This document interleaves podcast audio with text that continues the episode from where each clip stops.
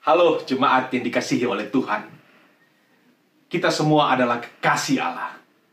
Di dalam Roma pasal 9 ayat 25. Lewat Paulus Allah mengatakan, Anda dan saya, kita semua adalah kekasih Allah.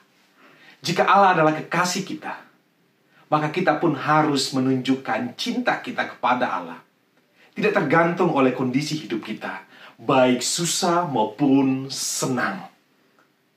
Jika Allah adalah kekasih kita, tunjukkan itu dalam perhatian, komunikasi, dan juga hubungan yang intim bersama dengan Allah. Maka pertanyaan besar kita saat ini adalah, apakah kita telah sungguh-sungguh menjadikan Allah sebagai kekasih kita?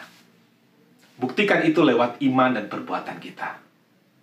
Selamat mencintai Allah dan merasakan cinta Allah. Sebab kita semua adalah kekasih Allah. Tuhan memberkati.